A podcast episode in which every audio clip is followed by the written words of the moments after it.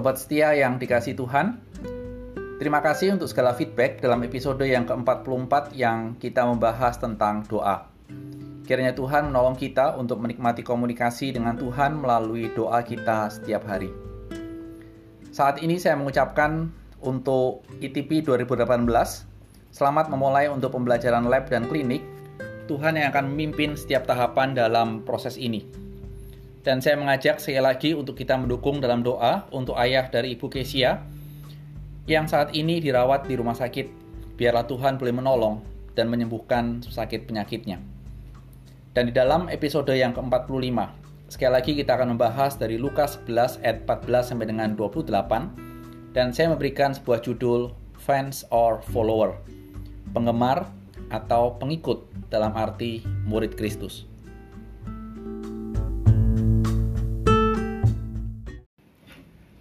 Pada suatu kali, Yesus mengusir dari seorang suatu setan yang membisukan.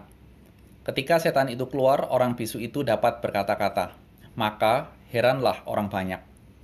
Tetapi ada di antara mereka yang berkata, ia mengusir setan dengan kuasa Beelzebul, penghulu setan. Ada pula yang meminta suatu tanda dari surga kepadanya untuk mencobai dia. Tetapi Yesus mengetahui pikiran mereka lalu berkata, Setiap kerajaan yang terpecah-pecah pasti binasa dan setiap rumah tangga yang terpecah-pecah pasti runtuh. Jikalau iblis itu juga terbagi-bagi dan melawan dirinya sendiri, bagaimanakah kerajaannya dapat bertahan? Sebab kamu berkata bahwa aku mengusir setan dalam dengan kuasa Beelzebul. Jadi jika aku mengusir setan dengan kuasa Beelzebul, dengan kuasa apakah pengikut-pengikutmu mengusirnya? Sebab itu merekalah yang akan menjadi hakimmu. Tetapi jika aku mengusir setan dengan kuasa Allah, maka sesungguhnya kerajaan Allah sudah datang kepadamu. Apabila seorang yang kuat dan yang lengkap bersenjata menjaga rumahnya sendiri, maka amanlah segala miliknya. Tetapi jika seorang yang lebih kuat daripadanya menyerang dan mengalahkannya, maka orang itu akan merampas perlengkapan senjata yang diandalkannya dan akan membagi-bagikan rampasannya. Siapa tidak bersama aku, ia melawan aku, dan siapa tidak mengumpulkan bersama aku, ia mencerai-beraikan. Apabila roh jahat keluar dari manusia, ia pun mengembara ke tempat-tempat yang tandus mencari perhentian. Dan karena ia tidak mendapatnya, ia berkata, Aku akan kembali ke rumah yang telah kutinggalkan itu. Maka pergilah ia dan mendapati rumah itu bersih tersapu dan rapi teratur. Lalu ia berkata dan mengajak tujuh roh lain yang lebih jahat daripadanya, dan mereka masuk dan berdiam di situ. Maka akhirnya keadaan orang itu lebih buruk daripada keadaan semula. Ketika Yesus masih berbicara, berseluruh seorang perempuan dari antara orang banyak dan berkata kepadanya, Berbahagialah ibu yang telah mengandung engkau, dan susu yang telah menyusui engkau. Tetapi ia berkata, yang berbahagia ialah mereka yang mendengarkan firman Allah dan yang memeliharanya.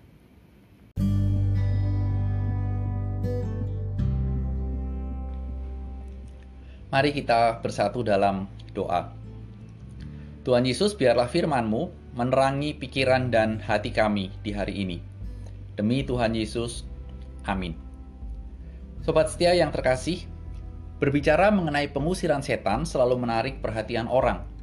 Bila seseorang berhasil mengusir setan, baik zaman dahulu kala ataupun saat ini, tetap membuat orang terheran-heran. Mungkin responnya, wah, hebat, Kok bisa ya? Dan mungkin ada yang bertanya, dari mana kuasanya? Seringkali itu yang menjadi salah satu respon dari orang yang mengetahui atau melihat hal itu. Orang Yahudi pun punya pemahaman bahwa orang yang mengusir setan punya kuasa dari setan yang lebih kuat. Mereka mengatakan bahwa Tuhan Yesus mengusir setan dengan kuasa Beelzebul, penghulu setan. Dan itulah konsep mereka. Kira-kira pemahaman dari orang Yahudi bahwa setan itu memiliki pangkat seperti dalam dunia militer. Dan setan yang pangkatnya lebih tinggi berhak dan baru bisa mengusir setan yang pangkatnya lebih rendah, ibaratnya menang kuasanya.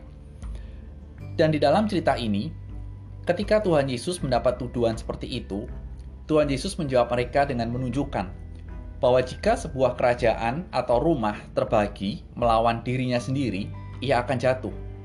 Demikian pula jika setan terpecah belah, saling melawan satu dengan yang lain, melawan dirinya sendiri, maka kerajaannya tidak akan bertahan.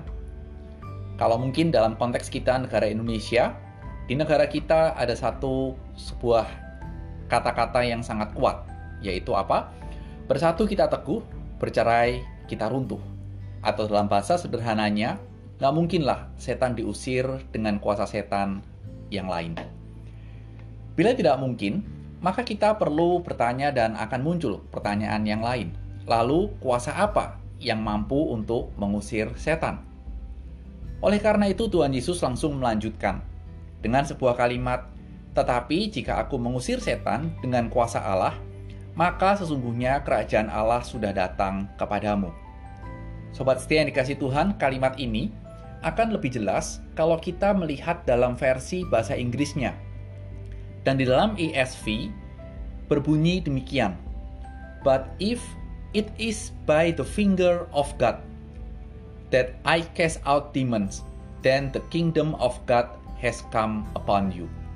Jadi kata-kata dalam Indonesia yang mengusir setan dalam bahasa Inggris adalah the finger of God. Dan dalam imajinasi saya, ini seperti jari telunjuk Tuhan yang menunjuk. Jadi bergerak menunjuk begitu dan mengusir setan, dan setan-setan itu kabur. Seperti seorang yang mengusir orang lain dengan mengacungkan telunjuk tangannya, mengusir keluar. Dalam bayangan saya, itulah yang dilakukan oleh Tuhan. Hal ini seperti menjadi sebuah pengulangan di dalam kitab kitab Keluaran. Keluaran pasal yang ke-8 ayat yang ke-19. Di mana para penyihir Mesir mengenali kekuatan Tuhan melalui Musa. Di dalam bahasa Inggrisnya dikatakan, Then the magician said to Pharaoh, This is the finger of God. Jadi benar-benar kita lihat ketika diterjemahkan mengusir setan, dua kata yang muncul yaitu the finger of God. Sekali di dalam versi Inggrisnya dan sekali di dalam kitab Keluaran. Sobat setia, dalam bayangan saya, ketika Tuhan mengusir setan yang membisukan hanya dengan menggerakkan jari telunjuknya, wow, itu satu hal yang sangat keren, satu hal yang dahsyat, satu hal yang betul-betul menakjubkan. Dan kedahsyatan itu dikaitkan dengan kedatangan kerajaan Allah yang menyelamatkan umat manusia dari belenggu setan. Seakan-akan Lukas mengatakan Kristus Mesias sudah datang iblis dikalahkan, iblis ditaklukkan. Dan seperti yang dikatakan oleh Rasul Paulus, bahwa di kayu salib, Kristus telah melucuti pemerintahan, pemerintah, pemerintah, dan penguasa-penguasa dan menjadikan mereka tontonan umum dalam kemenangannya atas mereka. Kolose 2, 15. Jadi benar-benar menunjukkan dalam peristiwa ini, iblis benar-benar rontok dikalahkan. Inilah yang membuat orang-orang pada zaman itu heran kagum. Dan saya yakin, pada saat ini pun bila peristiwa ini terjadi, kita pun akan terbelalak. Namun respon yang terjadi malah orang menunjuk kepada ibu yang melahirkan Tuhan Yesus. Kira-kira bahasa sehari-hari kita adalah, kalau ada anak yang bisa melakukan pengusiran setan dengan hanya mengacungkan telunjuk jari, orang itu mengatakan pasti ibunya bangga dan ibunya senang. Sobat setia, ini adalah sebuah konsep yang umum dalam budaya Asia atau Timur Tengah, bahwa keberhasilan seorang anak yang bisa melakukan hal yang spektakuler atau yang sukses atau yang membanggakan orang tuanya, pasti yang ditunjuk adalah wah pasti orang tuanya senang, orang tuanya bangga, orang tuanya bahagia. Itu konsep yang terjadi. Namun Tuhan Yesus memberikan suatu klarifikasi dan juga sebuah tantangan untuk orang saat itu. Dan saya percaya tentunya untuk kita saat ini. Bahwa yang disebut berbahagia bukan ibu yang melahirkan dia, bukan orang yang sekedar kagum, atau dalam bahasa saya adalah fans berat, penggemar, dan inilah menjadi tema kita, judul kita. Tetapi yang berbahagia adalah orang yang mendengar firman dan memelihara firman itu dalam hidupnya. Inilah yang disebut Tuhan orang yang berbahagia. Mengapa seperti itu? Perhatikan, dalam pelayanan Tuhan Yesus, pengusiran setan dan mujizat tidak selalu terjadi pada saat Tuhan mengajar firman Tuhan. Tetapi firman Tuhan, Tuhan Yesus ajarkan untuk membuat orang bertobat, mengenal Tuhan Yesus, dan membuat orang bertumbuh dalam iman kepada Kristus. Sehingga melalui cerita ini, mari kita bertanya dan berrefleksi. Selama ini kita menjadi orang Kristen, selama ini ketika kita mengaku diri kita adalah orang Kristen, kita lebih kepada fansnya Tuhan, penggemarnya Tuhan, atau pengikut Tuhan yang mau dimuridkan oleh firman Tuhan. Sobat setia, selamat merenung dan kiranya Roh Kudus memimpin dan memampukan kita untuk menghidupi firman Tuhan sehingga proses menjadi murid Tuhan yang sejati terjadi dalam hidup ini. Tuhan memberkati.